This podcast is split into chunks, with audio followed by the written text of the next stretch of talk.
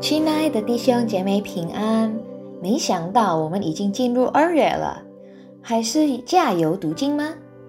今天的门徒灵修取自于读经运动，我们要一起读诗篇第四十八章。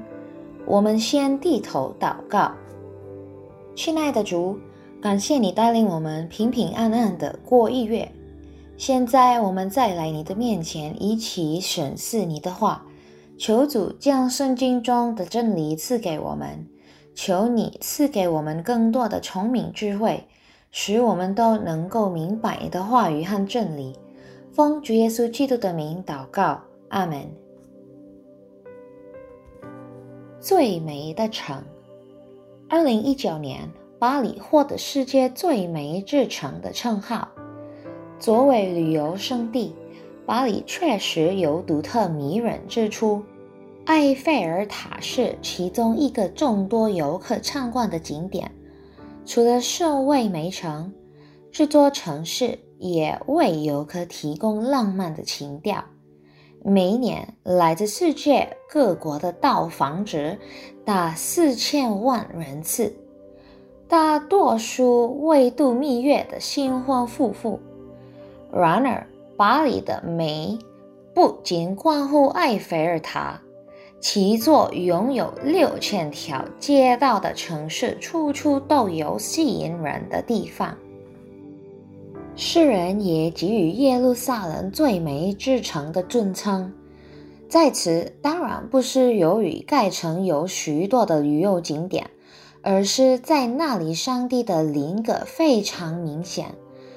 耶路撒冷是我们上帝的城，四十八章一节，从以色列的所有城市中被拣选出来，在那里坚定上帝的名。在耶路撒冷，上帝的子民承认上帝伟大，该受大赞美。四十八章一节，在耶路撒冷，上帝向转民自我介绍，并且称自己为避难所。第三节，意思是说，上帝是盖城的避难之地，甚至使其他的城市或者仇敌对上帝产生恐惧感。四到七节，回忆耶路撒冷城，让世人想念上帝的慈爱。四十八章第九节，即使耶路撒冷城已被摧毁。但是这座城市在世人的脑海中留下了痕迹。当然，所记得的不是他的城市，而是城市的拥有者，也就是上帝自己。回想了上帝的慈爱以后，接下来诗人把对耶路撒冷的记忆传说给后代。四十八章第十三节。上帝的大作为不但发生在耶路撒冷城，而且也发生在其他城市。身为上帝国的子民，我们的任务就是向未认识主的人做见证。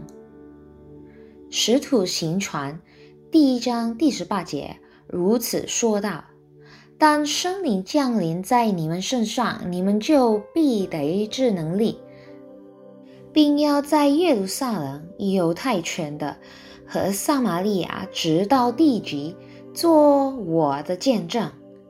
问题是，我们在现今所处之地已经为主做见证了吗？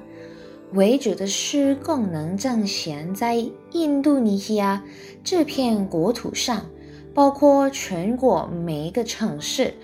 有多少人愿意付上祷告的代价呢？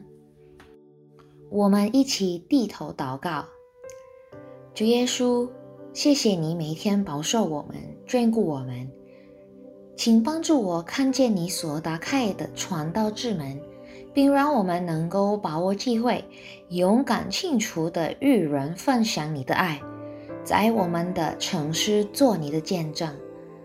奉耶稣基督的名祷告，阿门。弟兄姐妹，我们一起努力，每天能够越来越像耶稣。